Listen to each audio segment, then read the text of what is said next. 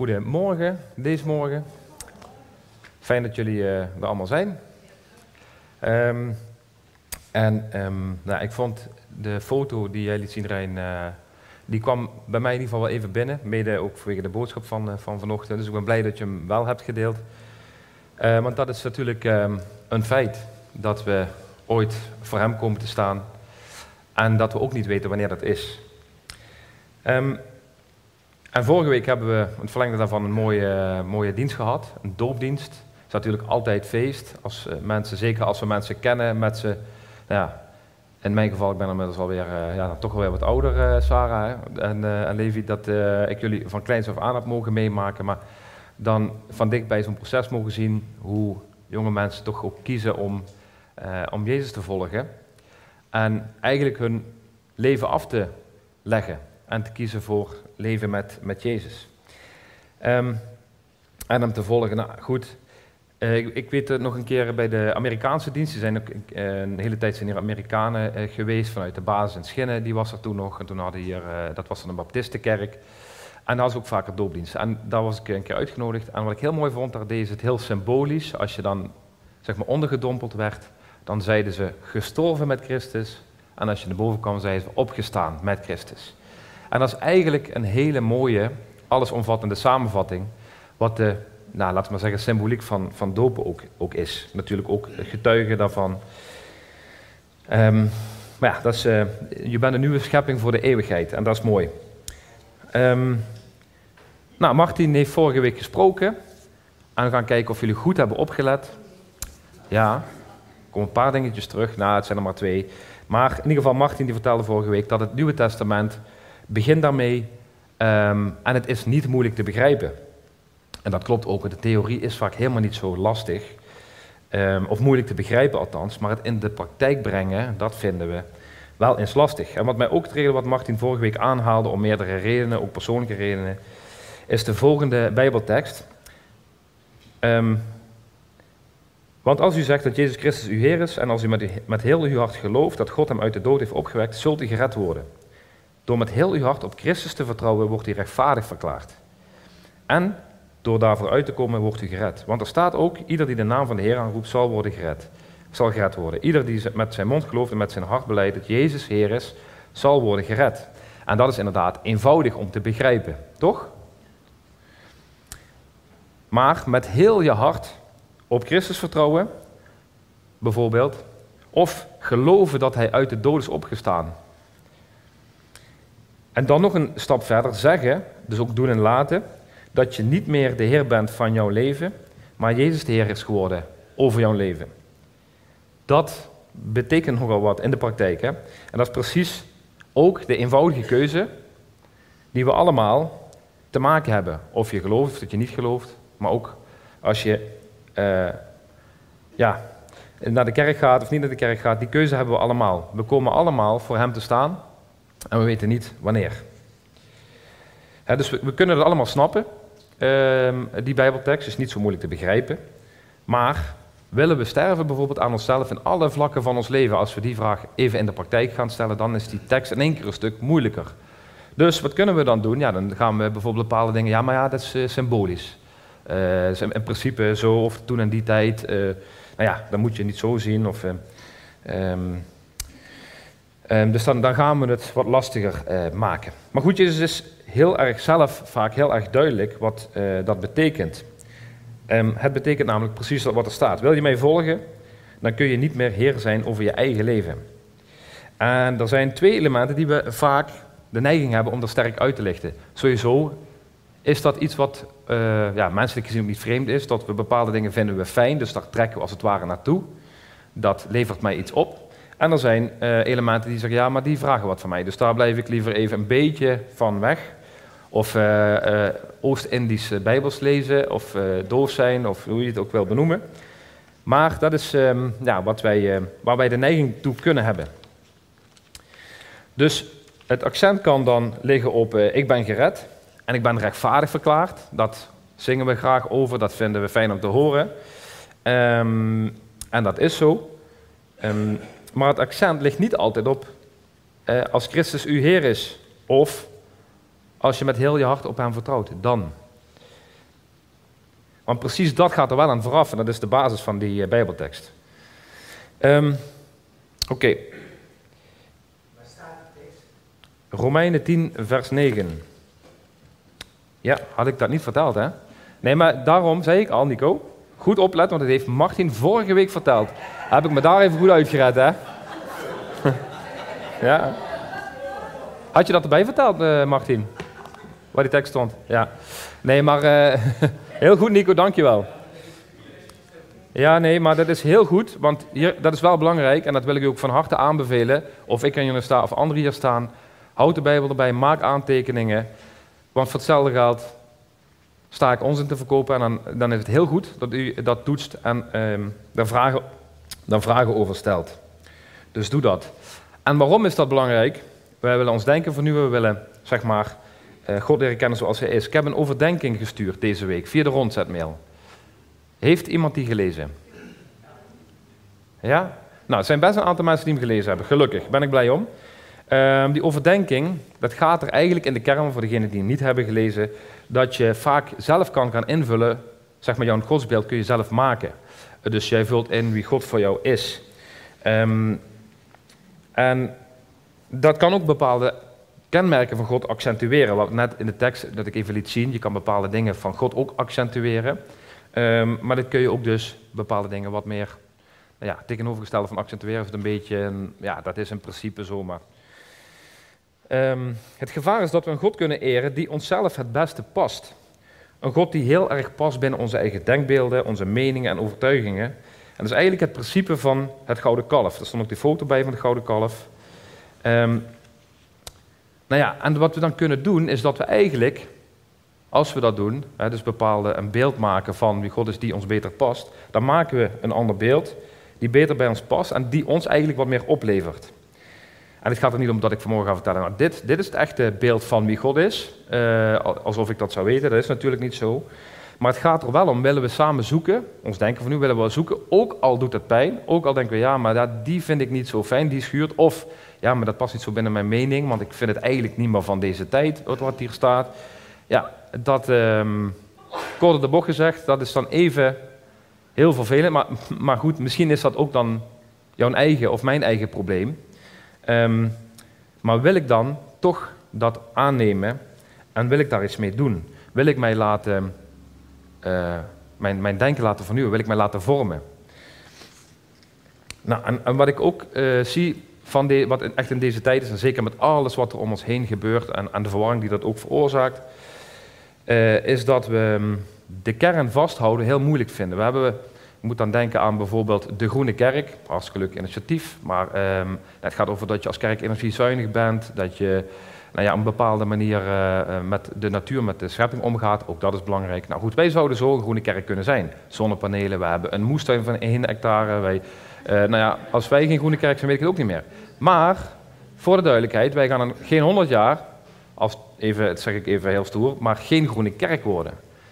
Want als je dat wil doen, even flauw gezegd, en uh, ik wil niemand uh, voor het hoofd stoten, mocht je dat toevallig stemmen, maar stem lekker GroenLinks en meld je aan bij de lokale natuurvereniging en dan ga je daar zeg maar je ei. En dit is belangrijk, maar het is niet de kern van wat wij geloven. En bij die kern blijven, uh, ja, dat vinden we een hele uitdaging. En die vasthouden vinden we ook een enorme uitdaging.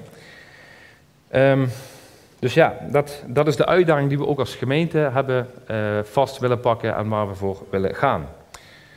Uh, en je ziet het nou niet heel goed, maar de slogan, uh, de, de missie is niet voor niets Jezus volgen en doen wat je gelooft. En een hele spannende vraag daarbij is ook, hè, dus um, wat is de reden dat je hier nu vanochtend zit? Dat kan natuurlijk ook gewoonte zijn. Maar dat je hier zit, dat je God aanbidt en dat je Jezus volgt. En geloven uit onszelf is vaak lastig. Veel mensen geloven in God en Jezus. Dat is niet zo. Ja, dat zijn heel veel mensen die dat, uh, die dat doen. Maar Hem erkennen als Messias, als Heer. En hem, dienen, en hem dienen en volgen. Dat is andere koek, want dat kost je wat. Jezus adviseert ook in de Bijbel. Nou ja, adviseert komen we zo op. Wil je mij volgen? Zegt hij letterlijk, bereken de kosten. Oftewel, dit zal je wat kosten. Zoveel is duidelijk. Volgens Jezus zelf. Nou, en de vraag aan jezelf probeer die eens eerlijk te beantwoorden. Zoals je nu zit, hè. Zou ik God nog gehoorzamen als Hij mij niet zou zegenen met een fijn leven, met welvaart, met alles wat we hebben? Willen we Hem nog steeds volgen als er geen genezing komt? Wil ik Hem nog steeds dienen in mijn moeilijke situaties, tijdens mijn moeilijke situaties?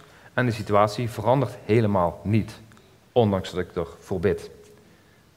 En stel je voor, nog een lastigere vraag. God zou geen ticket voor jou hebben naar de hemel. Sterker nog, er zou helemaal geen hemel meer zijn. Dat is niet zo, maar stel even. Zou je dan nog de moeite doen om hem je tijd te geven, laat staan je leven, ter ere van hem ter beschikking stellen? En jouw leven in zijn handen leggen en hem de volledige controle geven? Zou je dat dan nog steeds doen? Weet u, Jezus is vaak slechts een middel tot jouw doelen, tot mijn doelen. Dat, dat geldt voor mij net zo goed, even voor de duidelijkheid. En schrikt Jezus hiervan dat dat zo is? Als we soms heel eerlijk zijn. Dat denk ik niet. Maar we zullen wel straks zien dat ook zijn discipelen, die, die volgden hem namelijk ook op deze manier, vaak. Uh, op basis van het principe dat hij eigenlijk het middel was tot hun doel. Maar Jezus is hier wel heel erg duidelijk over. Dus we zien, uh, um, ja, we zien God vaak als, als middel tot ons doel. En wat God helemaal niet doet, nergens, is: Oh, alsjeblieft, ik zal je een rijk man maken. Wil je mij dan volgen? Oh, alsjeblieft, ik zal je leven helemaal uh, perfect maken. Wil je een uh, eh, BMW, wil je een dit, wil je een dat? Prima, gaan we regelen. Maar wil je mij dan alsjeblieft volgen? Nee, God zegt, ik ben, het, ik ben niet het middel tot jouw doel. Ik ben. Ik ben het einddoel. Mijn genade en ikzelf zijn alles waard. Ik heb mijzelf al lang bewezen en getoond. Kijk om je heen. Ik, God, ben zelfs zoveel waard dat ik jou een volledige overgave en jouw volledige leven vraag. Ik moet dan vaak denken, stel ik heb geen dochter, maar stel ik zou een dochter hebben, en dan komt iemand, uh, zeg maar vriendje, ik ben blij dat ik geen dochter heb overigens, want ik zou me veel te druk maken. Maar die komt dan, ja, ja, ik weet niet of ik aan toe ben, ja, ik uh, is nog niet helemaal klaar ervoor, en uh, ja, ik weet nog dit en dat. Dan zou ik zeggen, hey, beste vriend, of je gaat helemaal voor haar, want zij is alles waard. En anders blijf je lekker thuis. Maar goed, dat, dat zou ik dan niks over te zeggen hebben. Maar ik wil maar zeggen, het principe. Um, God is nog daar ver, ver, ver, ver boven. En wij kunnen soms doen alsof, uh, um, nou ja, alsof zijn genade nog niet genoeg is. Laat ik het zo maar even zeggen. En we horen dat vaak andersom in onze omgeving. Een ik-gericht geloof, gericht op wat het mij oplevert en past binnen mijn mening en overtuiging. Zoals gezegd, uh, we hebben niet voor niks daarvoor gekozen om de kern de kern te houden en uh, daarbij te blijven, Jezus volgen, doen wat je gelooft. Dus daar hebben we heel bewust uh, voor gekozen. Maar gouden kalven, dus ook denkbeelden aan wat jij graag wil, en zoals de kerk eruit moet zien, of dan ga ik daarheen, want uh, nou ja, daar is meer dit of daar is meer dat. Gouden kalven zijn er in allerlei verschillende soorten, maten, verschillende vormen. Maar het probleem is, gouden kalf ziet er vaak prachtig uit. Kost heel veel energie, maar het levert ons heel vaak niet op wat we ervan hopen. Nog erger, het komt tussen jou en God in te staan. Maar goed, we hebben dus. Um, proberen dus bij die kern te blijven, zeker in deze, nou ja, laten we zeggen, verwarrende tijden. Nog even terug over die overdenking aan die eigen invulling wie, van wie God kan zijn, die u gelezen heeft, voor degenen die hem gelezen hebben. Een eigen godsbeeld maken zoals die ons het beste past, is het tweede gebod. Hè? Niet voor niets zo van belang en zo hoog op het lijstje van de tien geboden, zo gezegd. Uh, wat heeft het nu te maken, dat eigen godsbeeld maken, met onze kerkmissie, Jezus volgen en doen wat je gelooft? Dat lijken twee heel verschillende dingen. Um, maar we gaan wel weer, dat, die hebben heel erg met elkaar te maken en daar gaan we vanochtend ook op inzoomen. In uh, die kerkmissie Jezus volgen. Want dat is, Jezus volgen, is de ambitie die we samen hebben. En waar we ook anderen willen leren om dit te doen. En waarbij we geloven dat het het aller, allerbelangrijkste is waarvoor je in je mensenleven voor kan kiezen. Dus maar als we Jezus volgen, wie volgen we dan? Daarom heeft dat alles met elkaar te maken. Dat hangt er helemaal af hoe jij Jezus ziet. En daarom is, die belangrijk, daarom is dat een vraag die heel belangrijk is voor u om die te stellen. Wie is Jezus voor u? En wat betekent het dan dus om Jezus te volgen? Wat betekent dat echt? Zou het zo kunnen zijn, ik kom ook al vrij lang in de kerk, en dat toch mijn ogen nog niet helemaal geopend zijn, dat ik Jezus nog niet helemaal zie zoals Hij is. Zoals Hij werkelijk is. Zou het zo kunnen zijn? Ik zeg niet dat het zo is, maar zou het zo kunnen zijn? En als we Hem willen volgen, welke Jezus volgen we dan? Volgen we de Jezus die naar ons eigen ingevulde beeld? Of volgen we Jezus zoals Hij is? Zien we Jezus zoals Hij is? Nou, wat betekent het echt om Jezus te volgen? Dat is de titel van de preek. Soms ook belangrijk dat je een titel hebt van een preek. Nou,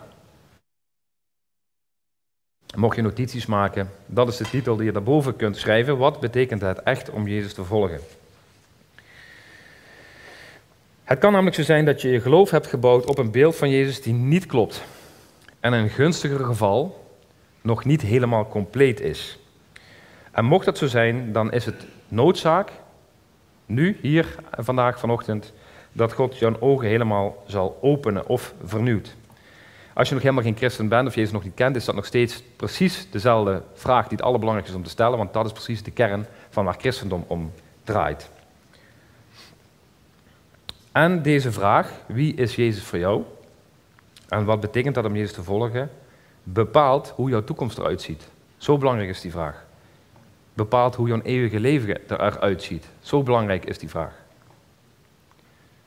En zoals ik al zei, Jezus is niet het middel tot mijn doelen. Jezus is het doel en dat is uh, niet iets nieuws, zeg maar. Dat is al uh, um, dat dat gebeurt. Dat mensen zo naar Jezus kijken, dat is al sinds dat hij op aarde was. Nou goed, dan gaan we even lezen naar Marcus 8. Marcus 8 is eigenlijk de context van vanochtend. Um, en dan kun u vanaf vers 17 al, alvast bijpakken. Maar we gaan van daaruit naar beneden. En dan gaan we zien wat ik eigenlijk nu gezegd heb en wat ik daarmee bedoel. En wat het voor u betekent zelf. Ook als u Jezus al kent en al lang kent. In het eerste gedeelte van het hoofdstuk uh, komt terug dat Jezus vraagt aan zijn discipelen: waarom begrijpen jullie het nu nog niet? Daar gaat het eigenlijk over. Daar begint het hoofdstuk mee. Van ja, waarom begrijpen jullie nog niet? Jullie hebben van alles zien gebeuren en nog zien jullie het niet. Nou, daarna gaat het over een uniek wonder wat Jezus doet: genezen van een blinde man. En die genezing van, uh, van die blinde man die gaat in twee delen vindt die plaats. Dus die is niet in één keer genezen. En vandaag wil ik laten zien waarom deze genezing in twee delen zo ontzettend belangrijk is voor jouw geestelijke zicht, jouw geestelijke ogen. Gaan we lezen. Uh, vanaf vers 22 gaan we verder. Marcus 8, de genezing van de blinde man. Hij kwam in Bethsaida. Nou ja, ik weet altijd niet zo goed hoe ik het uit moet spreken, maar... Yes. Ik ben er zelf nooit geweest. Maar in ieder geval, hij kwam daar en ze brachten een blinde man bij hem, iemand die geen zicht heeft. Dat is even de symboliek, dus een blinde man. En ze smeekte hem dat hij hem aanraakte. En toen hij de hand van de blinde man genomen had, leidde hij hem het dorp uit. En nadat hij zijn ogen, in zijn ogen gespuwd en de handen op hem gelegd had, vroeg hij hem of hij iets zag. En hij keek op en zei, ik zie de mensen, want ik zie hen als bomen rondlopen. Daarna legde hij de handen opnieuw op zijn ogen en liet hem weer kijken. En hij was hersteld en zag alle heel duidelijk. Hij stuurde hem naar huis en zei: Ga niet het dorp in en zeg, tegen, zeg het tegen niemand in het dorp. Nou, hier lezen we dus over een man die stapsgewijs van helemaal niets kunnen zien naar gedeeltelijk kunnen zien, nog niet helemaal alles uh, scherp, en uiteindelijk alles wel heel duidelijk en scherp kunnen zien. Nou, we weten dat het verhaal symbolisch is, ook gedeeltelijk symbolisch is, omdat dit meteen na het gedeelte komt wat we kort daarvoor hebben gelezen, waar Jezus precies dezelfde manier van spreken gebruikt eh, tegen de discipelen, wat we dus net zeiden in vers 17 en vers 18 wat we hadden eh, gezien. Uh, daar sprak hij ook over dat ze nog blind waren. Terwijl ze ogen hebben, konden ze toch niet zien. En de ogen van de discipelen moesten dus geopend worden om te zien wie Jezus werkelijk was en werkelijk is. Dus, en wat, wat daarna gebeurt, hierna gebeurt, dat lezen we in vers 27. Het gaat over de beleidenis van Petrus. En Jezus vertrok met zijn discipelen naar de dorpen van Caesarea Philippi, als ik het goed uitspreek. En onderweg stelde hij zijn discipelen een vraag. Hij zei tegen hen, wie zeggen de mensen dat ik ben? En zij antwoordden, Johannes de Doper, en de andere Elia, en weer andere, een van de profeten. En hij zei tegen hen, maar wie zegt u, mensen die al met hem meeliepen, best wel lang, net als wij dat doen, wie zegt u dat ik ben? En Petrus antwoordde en zei tegen hem, u bent de Christus. En hij gebood hun streng dat zij met niemand over hem zouden spreken. Hm? Komen we zo op. Dit moment in de Bijbel is veel betekend. Waarom? Veel betekend. Waarom? Omdat uh, dit eigenlijk de eerste keer is, althans het uh, um, boek uh, van Marcus. Op dit moment was, hadden alleen God en de demonen Jezus herkend en erkend voor wie hij is, de Zoon van God. Of zoals hier wordt gezegd, de Christus. Wat ook al de Messias betekent. Diegene die al eeuwenlang beloofd was. En de Verlosser, degene die de mensen dus zal verlossen. Dat is het tweede puntje van vorige week. Martin vroeg vorige week in zijn preek, wat betekent dat, de Messias? Nou, en dat vond ik ook wel weer grappig, want dat is precies de vraag ook voor u vanochtend. Wat betekent dat dan voor u, de Messias, de Verlosser? En hier zegt Petrus ook, nou ja, ik weet prima wie Jezus is. Hij is de Christus. Uh, dus de eerste keer in het boek van Marcus dat een discipel hier zegt wie Jezus werkelijk is. En dan zou je dus denken, yes, ze snappen het, ze hebben het begrepen, toch? Ze zien Jezus, ze zien wie hij werkelijk is. En dat doen ze ook, maar nog niet helemaal. Nog gedeeltelijk, nog niet volledig. Ze zien hem voor een deel. En dat gaan we zien als we verder lezen wat er verder gebeurt. Dus hopelijk ziet u zeg maar, wat daar gebeurt. Geen zicht hebben. Uh, de, de, genezing van de blinde man. En vervolgens meteen daaronder staat ook dat Jezus aan hem vraagt. Maar wie denkt, wie, hoe zien jullie mij? Nou ja, ze zien hem als de Christus, gedeeltelijk. Dan, vers 31, de eerste aankondiging van het lijden. Want dan gaat Jezus even vertellen hoe het zit. Hij begon hun te onderwijzen dat de zoon des mensen veel moest lijden en verworpen worden door de oudsten en overpriesters en schriftgeleerden. En gedood worden en na drie dagen opstaan. En dit woord sprak hij vrij uit. Petrus nam hem even apart en begon hem te bestraffen. Maar hij keerde zich om en terwijl hij zijn discipelen aankeek, bestrafte hij Petrus en zei: Ga weg achter mij, Satan. Want u bedekt niet de dingen van God, maar die van de mensen. Dus hier wordt heel duidelijk dat Petrus en de discipelen het dus nog helemaal niet hadden begrepen. Sterker nog, Satan ga achter mij, wordt er tegen je gezegd. Dan heb je het, denk ik, niet helemaal begrepen. Ze hadden met hun mond beleden dat Jezus de Christus was. Maar wat de inhoud en de betekenis was voor hun, eh, of wat het echt betekende, was dus voor hun niet duidelijk. Net zoals de blinde man die nog maar gedeeltelijk kon zien, maar dus niet alles helder zag. Nou, we gaan zo verder lezen wat er in de rest van het hoofdstuk gebeurt. Maar het is goed wel om hierbij stil te staan en na te denken wat nu het probleem was met de geestelijke ogen van de discipelen. Want het zou zomaar kunnen zijn dat wij dezelfde problemen kunnen hebben met onze geestelijke ogen. Jezus vroeg dus de vraag aan zijn discipelen: Wie denken jullie dat ik ben? Petrus antwoordt namens de discipelen: U bent Christus de Messias. Maar weet u nog de overdenking waar we mee begonnen? Een godsbeeld of een beeld van Jezus die we zelf geneigd zijn te maken, die passend is naar wat, ons, wat onszelf het oplevert.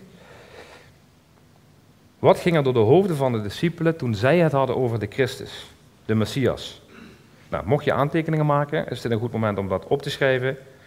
Met de vraag daarboven, wat wilden de discipelen, hoe voor hun de Messias zou zijn? Hoe wilden de Joodse mensen in de tijd dat hun Messias zou zijn? Ze wilden een Jezus die hun land zou redden en bevrijden, politiek gezien. Politiek gezien bevrijd zou worden. Een Messias als politicus die specifiek Jeruzalem en Israël zou bevrijden van de heidenen, nog specifieker ook liefst eh, van de Romeinen, en zij wilden een Jezus die hen zou bevrijden en een natie weer groot en welvarend, goed zou maken, beter zou maken. Als tweede wilden ze een Messias die hen macht zou geven, een tegenstander zou overwinnen met militaire overmacht en Jezus, een Jezus die hun de macht zou teruggeven waar ze zo naar verlangden. Als derde wilden zij een Jezus die hun welvaart en voorspoed zou geven, een beter leven, meer rijkdom in hun eigen leven voor hun families en voor hun land. En als vierde, ze wilden iemand die veel mensen zou aantrekken, iedereen bij elkaar zou brengen, alle leiders, de priesters, schriftgeleerden, allemaal onder één vlag verbonden zouden zijn, verbinding. Nou, en ook om zo hun vijanden te kunnen verslaan en erover te kunnen heersen. En als laatste, en een hele essentiële, ze wilden absoluut geen Messias die hun wat zou kosten of wat zou vragen wat betreft hun eigen leven. Je volgde een rabbi per definitie om er wel op vooruit te gaan. Je zou er zelf beter van worden. Ze wilden zeker geen Messias die hun eigen leven zou gaan kosten. Dus samengevat, ze wilden graag verder met hun leven zoals zij die kenden, een maar dan een verbeterde versie daarvan.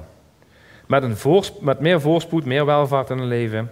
En dit is dus voor de Joodse mensen toen, dat is het beeld wat zij van Jezus, de Messias hadden in hun hoofd. Als ze aan de Messias dachten. En deze Joodse discipelen, die in die specifieke tijd leefden, zeiden tegen Jezus, die Messias, die Jezus, jij bent hem. Jij bent deze Christus die wij dus zeg maar in ons hoofd hebben, met dat beeld wat ik net schets. Die Messias die zij wilden, jij bent hem. Dus hun zicht was nog niet goed. Wat zij zagen was nog niet compleet. En het is natuurlijk lekker makkelijk voor ons nu, hè, nu we alles weten en we gaan dat lezen, kunnen we de discipelen makkelijk beoordelen. Maar als we even zelf ook stilstaan en onszelf ook de vraag stellen, zou het zo kunnen zijn dat wij in de kern precies, niet precies hetzelfde zouden willen. Nou, plak het op deze tijd. Ik denk dat al die punten, zeg maar, ook voor ons van toepassing kunnen zijn. En dus als we niet uitkijken, kunnen we precies ons eigen gevormde en gemaakte christendom vormen. Zoals we hem zelf vaak ook willen toepassen en dat ook wel doen. En de afgelopen crisissen bijvoorbeeld, ja, daar eh, energie, eh, eh, pandemie, nou goed, economisch nu, oorlog, noem maar op. Ehm, zijn we misschien ook erg ijverig om die politieke leider te vinden die het allemaal voor ons op zou kunnen lossen dat ons land uit de crisis komt. Of in ieder geval, ja, ik zou ook graag willen dat we er beter van worden. Als land, als geheel. Ook als christenen kunnen we allerlei dingen doen op zoek naar wat meer invloed en macht. Aardse invloed en macht. Ook als kerk zelfs kunnen we dat, kunnen we dat doen.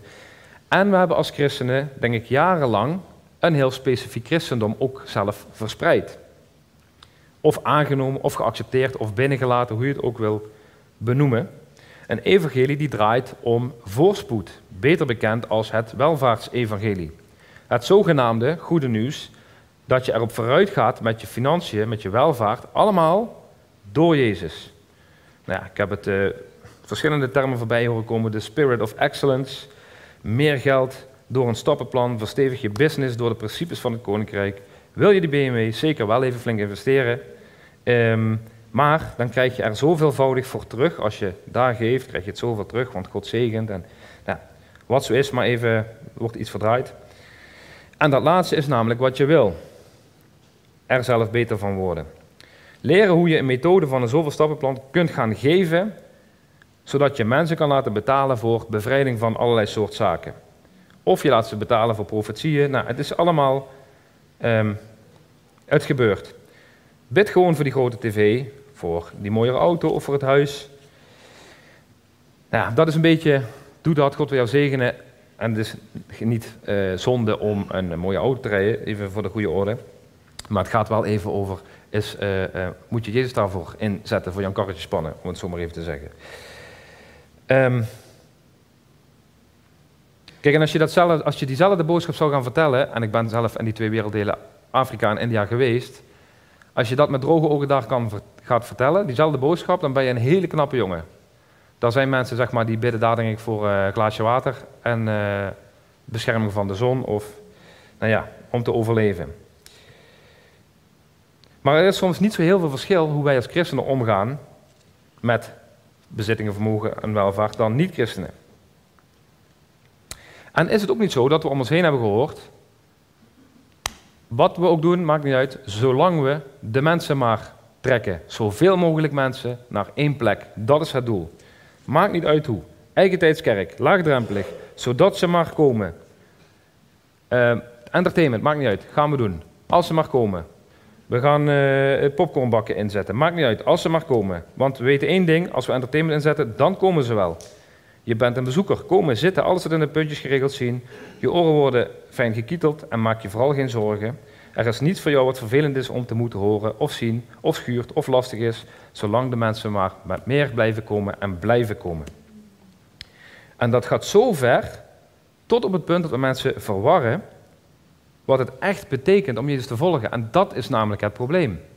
We mogen echt wel ons best doen en dingen bedenken en met vanuit, maar wat is vanuit welke basis doen wij dat? En wat hebben we daarmee voor ogen? Willen wij dat we een volle zaal hebben? Is dat het doel?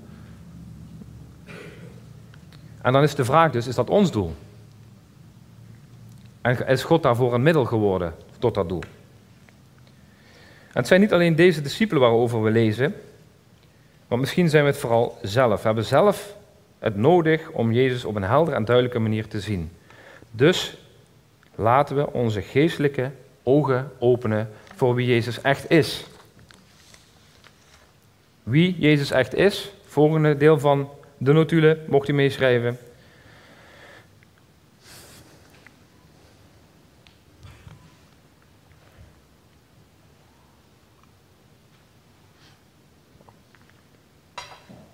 Want wat we in het Bijbelgedeelte ook zien, is dat Jezus niet gekomen is voor één specifiek land, maar hij is gekomen voor redding van alle naties. En dat zien we ook in dit stukje terug. Ehm, en niet alleen voor ons land te verbeteren, maar voor alle naties. Um, in vers 27 lezen we, en Jezus vertrok met zijn discipelen naar de dorpen van Caesarea Philippi. Um, ik heb er even naar gekeken. Stad met de naam Paneas, vernoemd naar de Romeinse god Pan. Dus dat, dat, zeg maar, dat is de plaats. Uh, en die ligt in die stad en die is naar die Romeinse god Pan vernoemd. Het grootste deel van die bevolking op die plaats was vooral heidens, niet Joods dus. Het uh, was niet, niet Joods gebied, zelfs vijandig ten opzichte van de Joden. En dit is precies de plek, wat hier ook zo staat, waar Jezus zich voor het eerst openbaart als de Messias en de Verlosser. Dus niet alleen voor de Joodse mensen, maar voor alle mensen. Hij is niet alleen gekomen voor één natie, maar voor alle naties. Nou, dat kunnen we hier ook uit, uh, uit opmaken. En in tegenstelling tot het zoeken van macht is Jezus juist de nederige zoon der mensen. En kijk maar als we lezen in vers 31, dan zie je dat Jezus in één keer zijn woordkeuze anders gaat gebruiken. Kort, vers 31, kort nadat ze hem hebben erkend als de Christus, eh, dan lezen we, en hij begon hen te leren dat de zoon des mensen veel moest lijden. Hij refereert hier aan zichzelf als de zoon des mensen en niet als de Christus. Want hij wist wat hun in hun hoofd hadden met de titel de Christus. Dus Jezus gebruikt hier bewust andere bewoordingen, de zoon des mensen. En die term legt heel, heel duidelijk de nadruk, zoon des mensen, op één zijn menselijkheid en twee zijn nederigheid. Nou, en in beide delen van deze tekst, zowel bij de man die in twee delen van blindheid geneest, als bij de discipelen, daar zegt Jezus heel specifiek dat ze met niemand erover mochten spreken. De ene man die moest zelfs het dorp, mocht hij niet terug in. En bij de discipelen zei hij zelfs, heel streng staat daar, absoluut met niemand hierover spreken. Dat vind, vond ik heel gek, want eh, ik weet, zeg maar nu, we weten wat we weten, we mogen discipelen maken en we gaan erop uit, evangeliseren en hier lees je eh, eh, mondje dicht. Je gaat helemaal niks zeggen, zegt Jezus zelf, notabene. Dus hij gebood hun streng met niemand erover te praten. Maar waarom zou hij dat doen?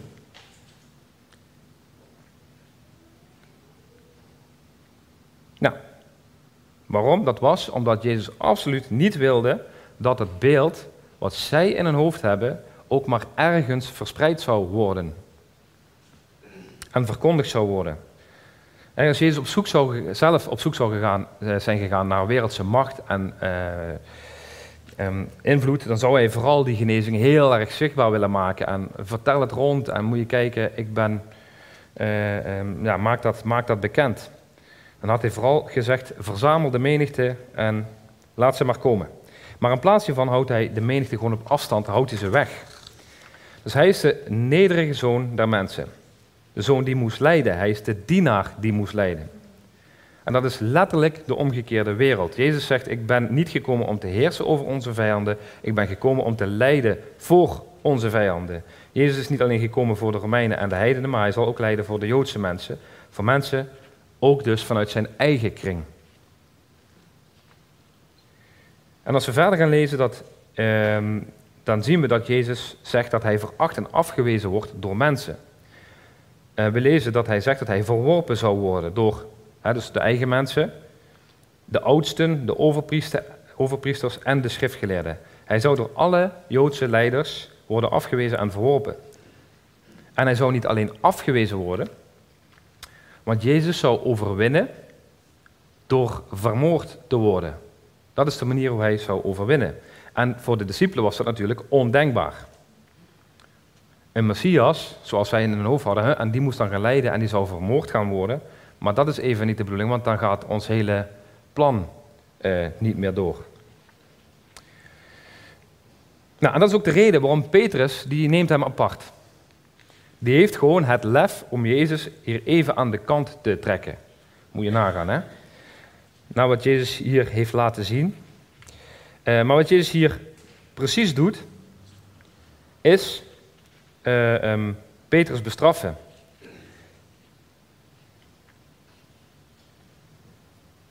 Dus hij gaat op niet mis te verstaande wijze Petrus duidelijk maken dat um, hij het niet goed ziet. Petrus nam hem apart en begon Jezus te bestraffen. Het woord wat hier gebruikt wordt voor bestraffen trouwens is hetzelfde woord wat in andere gedeelten van Marcus ook wordt gebruikt als demonen het zwijgen wordt opgelegd. Dat is even dezelfde context van het woord bestraffen hier in, in, eh, in dit stukje. Petrus probeert hier Jezus de mond te snoeren op niet mis te verstaande wijze, want Jezus verpest vooral de plannen van Petrus. En wat is de reactie van Jezus? Dat lezen we in vers 33 dat hij ze aankeek. Hij zag ze. Hij ziet de discipelen, hij ziet wat ze voor ogen hebben.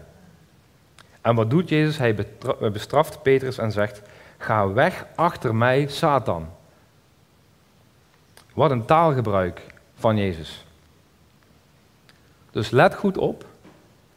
Het is demonisch om naar Jezus te kijken als iemand die ons land politiek gaat redden, die jou macht zou geven, die er is voor jouw welvaart en jou een rijker, beter leven te geven, of uh, maar menigte aan te trekken, uh, of Jezus te zien zodat het jou vooral wat oplevert en zonder dat het iets van jouw leven vraagt. Dat beeld van Jezus, zegt hij hier zelf, is demonisch, duivels. Satan, ga achter mij.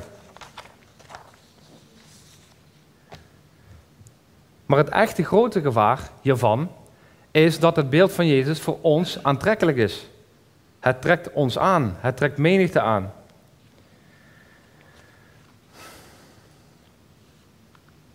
Want wat als zij de Messias zouden hebben die zij zouden willen, dan zouden ze een land hebben zoals zij die zelf ook zouden willen. Ze hadden de macht en de voorspoed zoals zij die wilden hebben. Ze hadden de grote menigte waarnaar ze verlangden. En bovenal hadden ze hun leven zoals ze die graag zouden willen leven. Maar het mooie is dat Jezus dus kwam om iets veel beters te geven dan dit alles bij elkaar. Jezus is gekomen om u en mij iets veel beters te geven dan dit alles. Foto van Rijn. Wij komen daar te staan. En wat wil hij dan geven? En wat heb je dan meegenomen? Heb je dan je mooie auto en je bezittingen en je, heb je die dan, uh, ja, die kun je niet meenemen. Dus luister naar de redder van alle naties naar de nederige zoon van mensen en de dienstknecht die voor jou dit heeft gedaan en gekomen is om welwillend, wel overwogen te sterven aan het kruis en weer opgestaan is uit het graf. Luister naar wat Jezus zelf zegt nadat hij de mensen en de discipelen bij zich had geroepen. En daarmee ook naar u. Wat betekent het echt om Jezus te volgen? Daar gaat hij hier antwoord op geven in vers 34. Laat wie achter mij aan wil komen, zichzelf verloochenen, zijn kruis opnemen en mij volgen. Want wie zijn leven zal willen behouden, die zal het verliezen. Maar wie zijn leven zal verliezen omwille van mij en om het evangelie, die zal het behouden. Want wat baat het de mens de hele wereld te winnen en aan zijn ziel schade te lijden? Want wat zou een mens kunnen geven in ruil voor zijn leven? Want wie zich voor mij en voor mijn woorden schaamt, in dit overspelige en zondige geslacht, De zoon des mensen zal zich ook voor hem schamen wanneer hij komt in de heerlijkheid zijns vaders met de heilige engelen. Zie je hier ook wie Jezus echt is. Wie hij zelf zegt dat hij is. Zie wie Jezus echt is en wat het betekent om hem te volgen. En als je meeschrijft, komen nu drie dingen aan. Schrijf die maar eventjes mee. Deze drie dingen gaan namelijk regelrecht in op de manier hoe zij dachten en zo precies het tegenovergestelde van hoe wij zelf denken. Wat Jezus volgen namelijk echt betekent is, je sterft aan jezelf, zodat je zult leven. Om te leven zul je moeten sterven. Ik weet het, het zijn hele heftige teksten wat ik hier sta te vertellen, maar ik hoop dat u nog even kunt mee blijven zijn met, uh, met wat er gezegd wordt. Want dit is wel namelijk wat Jezus hier zegt. Om mij te volgen zul je moeten sterven en je kruis dragen. En deze tekst wordt niet met kruisdragen wordt niet bedoeld lasten, uh, symbolisch, van ja, je moet je kruis dragen, ieder, ieder huisje heeft zijn kruisje. Nee, dat wordt niet bedoeld. Mensen die in de eerste eeuw leefden, daar in Marcus, in die tijd, die wisten precies wat Jezus bedoelde. Kruis is gewoon een instrument om te doden. Wil je mij volgen, zul je moeten sterven. Jezus gaat nog verder. Hij vertelt dat niet alleen hij zelf als Messias zou moeten sterven, dat had hij eerder verteld, maar hoe iedereen die hem wil volgen ook zou moeten sterven. Jezus zegt, je kunt mij niet volgen en tegelijkertijd nog vasthouden aan je eigen leven. Hoort u dat en ziet u het? Je kan niet vasthouden aan je eigen leven. Uitgerekend de eerste twee woorden van onze kerkmissie, dat is wat we centraal hebben gesteld. Jezus volgen. En wat zegt Jezus hier zelf over? Je kunt Jezus niet volgen en je eigen leven behouden. Als je vast blijft houden aan jouw eigen leven, zal je hem verliezen. En het gevaar is dus dat we zelf een christelijke cultuur hebben gecreëerd, waar ik het eerder ook al over had, die precies het tegenovergestelde zegt en leert.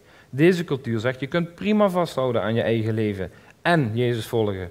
De christelijke cultuur van de dag van vandaag de dag, die zegt eigenlijk en en prima, kan prima naast elkaar. Je kunt en Jezus volgen en vast blijven houden aan hetgeen wat jij zelf wilt, vanuit jouw eigen vlees en verlangens, etc.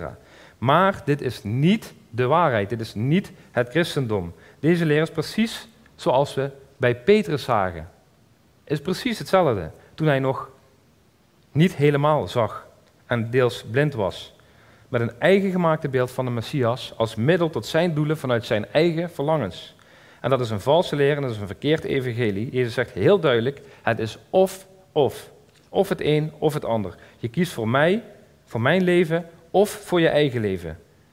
Welke van deze twee kies je voor? Als je in mij wilt leven, zul je aan jou moeten sterven. En dat is ook precies wat we in Galaten 2 vers 20, schrijft hij ook maar op, Galaten 2 vers 20, dat we daar teruglezen, ik ben met Christus gekruisigd en niet meer ik leef, maar Christus leeft in mij. En voor zover ik nu in het vlees leef, leef ik door het geloof in de Zoon van God die mij heeft liefgehad en zichzelf voor mij heeft overgegeven. Een leven van een christen is leven in Christus. Dat is wat er staat in Galaten. We zijn zelf gestorven, gestorven aan onszelf. Of, of. Jezus leeft in ons. En dat betekent, wat Jezus wil, dat wil ik ook. Hoe Jezus mij wil vormen, zo wil ik gevormd worden. Waar Jezus mij wil helpen, daar zal ik heen gaan. Wat Jezus van mij vraagt, dat zal ik doen. Wat Hij mij vraagt om te geven, dat zal ik geven. Ongeacht wat het mij kost. Jezus is mijn leven.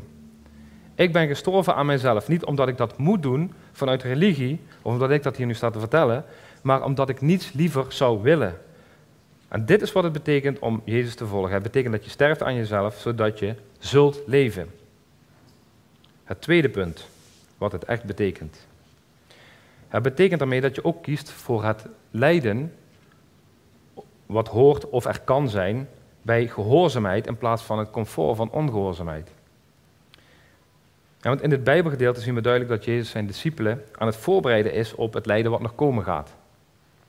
Niet, overigens, dat ze dat moeten gaan opzoeken. Ik moet gaan lijden en ik ga daar, ga daar naar op zoek. Ook niet vanuit religie, dat is even heel wat, wat anders. Maar wel dat Jezus uitlegt dat als je hem volgt, dat het gevolg daarvan lijden is en kan zijn. De mensen die in, die eerste eh, in, de eerste eeuw, in de eerste eeuw moet ik zeggen, dus de mensen die in die eerste eeuw leefden, uh, of het boek van Marcus uh, lazen, die, die waren bekend met vervolging, inclusief de mogelijkheid om gedood te worden. Ze wisten precies wat de betekenis was wat, van Jezus, uh, van wat Jezus hier bedoelde. Um, toen hij opriep dat ja, vervolging mogelijk is, zelfs met de dood tot gevolg. En om er dan toch voor te kiezen, bewust, voor het lijden dat hoort bij de gehoorzaamheid van Hem. En dus ook voor vandaag de dag is dat overigens realiteit voor veel mensen. Hè. Dus in veel landen is er heel actieve uh, vorm van vervolging. Zoek het maar eens op. Uh, website van Open Doors bijvoorbeeld, daar kun je kijken. Noord-Korea, Somalië, Jemen, Pakistan. Nog zoveel andere plekken. Echt heel veel andere plekken waar de dagelijkse realiteit is met dood tot gevolg. Dus daar is heel veel vervolging um, op het moment dat wij kiezen om hem te volgen. Voor ons is dat gelukkig ver van ons bed vaak. Vervolging op die manier en zelfs met de dood tot gevolg, dat is niet wat wij kennen. Maar er zijn echt nog andere manieren waarin wij lijden en vervolging ook voor ons van toepassing kan zijn. Sommige mensen hebben banen waarin je, als je zegt: Oké, maar ik blijf staan voor mijn uh, christelijke principes, omdat ik hem wil volgen en trouw daaraan wil zijn en blijven, dan kan het zijn dat je baan op de tocht kan komen te staan. Dat was misschien tien jaar geleden een beetje ondenkbaar, maar ik denk dat het nu niet meer zo ondenkbaar is. Anderen worden misschien geroepen door God om ergens naartoe te gaan. Naar andere landen waar het evangelie nog niet verkondigd is, zoals ze dat dan zo mooi zeggen. Maar als je dat gaat doen, dan moet je daar werk gaan zoeken, je moet de taal leren, je hebt uh, heel sociale netwerk is er niet. Dat gaat je echt wel wat kosten. Daar gaat strijd bij komen, daar gaat financiële moeilijkheden komen.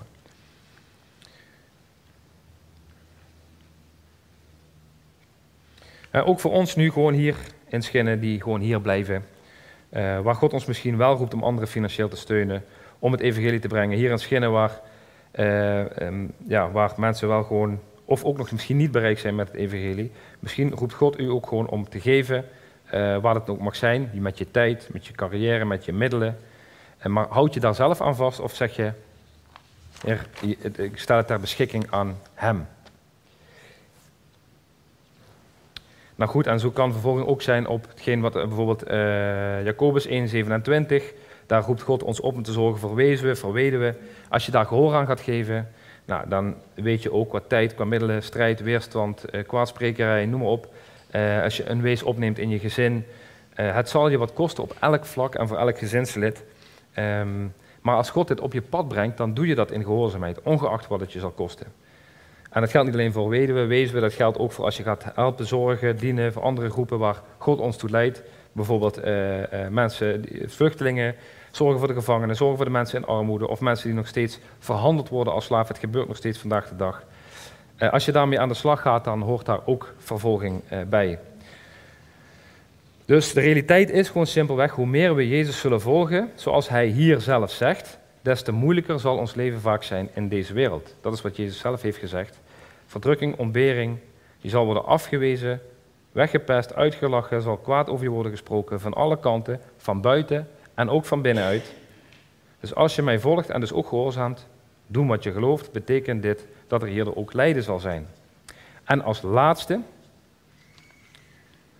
wat het betekent om Jezus te volgen, is dat je graag afstand doet van het najagen van rijkdom, van positie, van erkenning van anderen in deze wereld. Maar het betekent dat je kiest voor rijkdom en erkenning van de wereld die nog zal komen.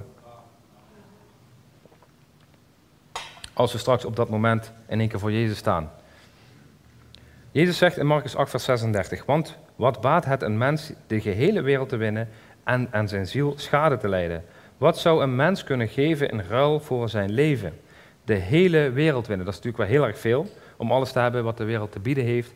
Maar uh, alle glamour, alle mooiste posities, rijkdom, roem, al het succes wat je maar kan voorstellen, uh, om dat allemaal te hebben. Stel je maar eens voor. Nou ja, heel veel mensen die worden daar heel blij van, van dat soort gedachten. Als je dat allemaal zou hebben. Maar hoe meer je daarvan hebt, hoe meer je realiseert dat het helemaal niets daarvan zal blijven staan. Niets zal stand houden daarvan, helemaal niks. Als je morgen sterft, neem je niks mee. De aarde zal gewoon letterlijk op hetzelfde tempootje rond blijven draaien. Ook als jij sterft. Je neemt niets mee. En we worden elke dag gebombardeerd met bericht van als je dit hebt, als je dat doet, zoveel stappen tot succes, doe die cursus, uh, um, die weg naar rijkdom, dan heb je pas het echte leven. Maar dat is natuurlijk een leugen. Je kunt alles hebben wat de wereld te bieden heeft, maar ook als je alles hebt of denkt te hebben, dan zal je, nog steeds, dan zal je het nog gewoon nog steeds verliezen op het einde van de rit. Het zij door leeftijd, door wat dan ook. Je gaat het verliezen. Dus trap er niet in. Je hele leven met welvaart en rijkdom na te jagen. En alles daarop in te zetten om dat te hebben. Al je tijd, je energie, je focus, heel je hart, ziel en verstand inzetten om jezelf te verrijken. Daar waar je hart is, zal namelijk ook je schat zijn. En als je dat doet, met dat geld en welvaart en rijkdom, dus prima als dat, als, het is niet nogmaals fout als je het hebt, maar ga je het najagen en je gaat je er druk over maken en je bent met volledige focus daarmee bezig. Een oorlog hier, inflatie daar, energiecrisis zo, pandemie daar, boef, geld weg. 20% inflatie en jij hebt je helemaal scheel gewerkt om rijk te worden. Net zoals God met één knip in zijn vingers het bouwen van een toren kan stoppen, een toren van Babel, en iedereen een andere taal laat spreken, zo kan ook jouw rijkdom, waar je zo erg mee bezig bent geweest, kan zo verdwijnen. Dus wijd je leven niet aan het najagen van rijkdom. Voed je kinderen ook niet op. En die manier, hey, als je maar alles hebt wat je hartje begeert, want je verspilt je eigen leven en je verspilt het leven van je kinderen als je op die manier opvoedt. Dus open je ogen, je geestelijke ogen, en realiseer je wie Jezus is. Jezus zelf is het leven. Hij is leven. En niets op deze wereld wat het te bieden heeft, is jouw tijd waard, jouw passie waard, jouw verlangens waard. Alleen Jezus is jouw tijd, passie en verlangens waard. Leef je leven niet voor aardse welvaart en leef je leven niet voor waardering, erkenning, applaus van mensen. In vers 47, 37 eh, dan lezen we, wat zou een mens kunnen geven over zijn leven? Want wie zich voor mij en mijn woorden schaamt in dit overspelige en zondig geslacht, dan zeg je dus eigenlijk, je kan erkenning van deze mensen hebben met die mensen, dit, dit overspelige en zondig geslacht. Je kan daar allemaal applaus van willen hebben van die mensen, maar die leven zonder God en van hun wil je applaus. Doe dat niet, leef niet je leven om waardering van mensen.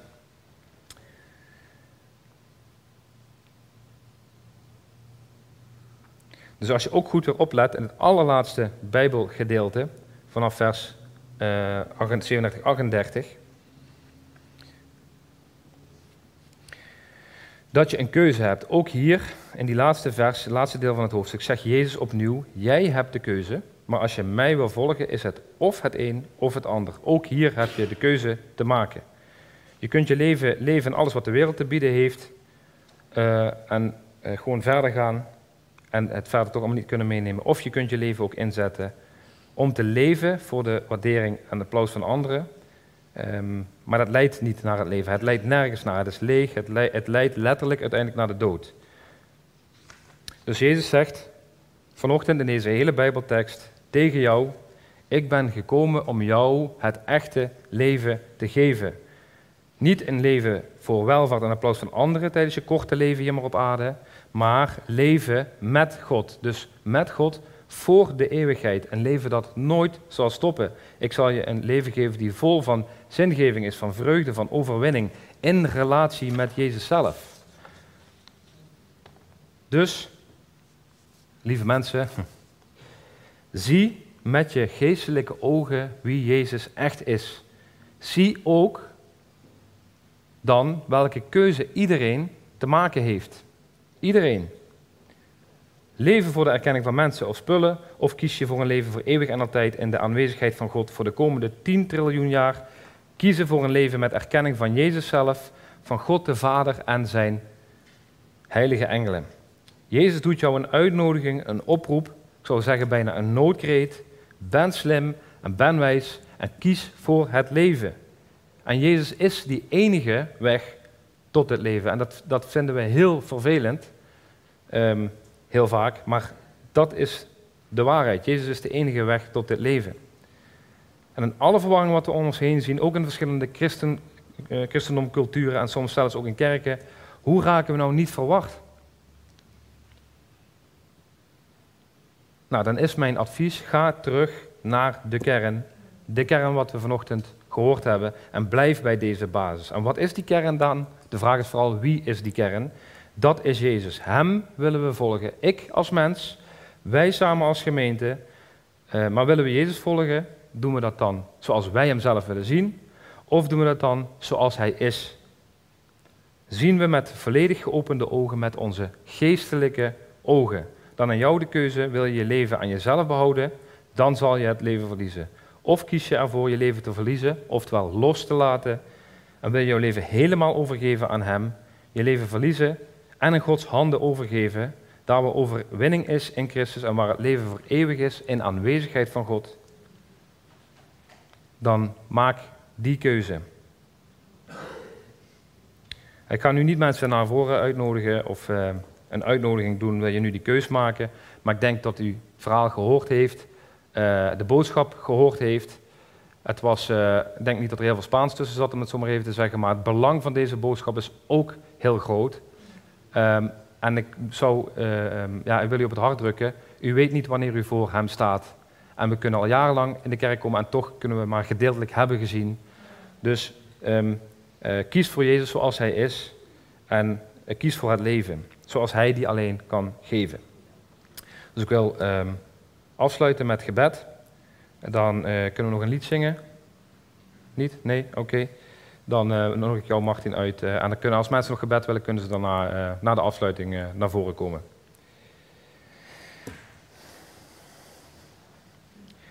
Heer God, wilde u um, bij ieder zo zijn, wilde u de boodschap um, van vanochtend uitwerken in ieders hart.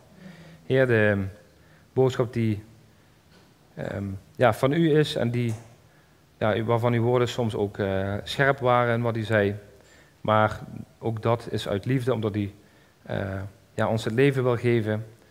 Heer, en um, ja, dat we dat mogen, uh, mogen gedenken, dat we erover na mogen denken, ook komende week. Heer, en wilt u het vooral in ons hart uitwerken. Heer, dat we ook andere mensen daarin mogen ja, vertellen wie u bent, dat u de weg bent naar de Vader, dat u de enige weg bent, de waarheid en het leven. Dat we samen elkaar mogen helpen en steunen om u te volgen. Dat we elkaar mogen oprichten daarin. Um, Heer, en uh, ik bid voor je, wil u deze boodschap zo verder uitwerken in onze, in onze harten? Wil u zo met ons meegaan? En um, ja, dat, daar uh, wil ik u zo voor, uh, voor danken dat u dat gaat doen. In Jezus' naam. Amen. Martin? Of, Harry?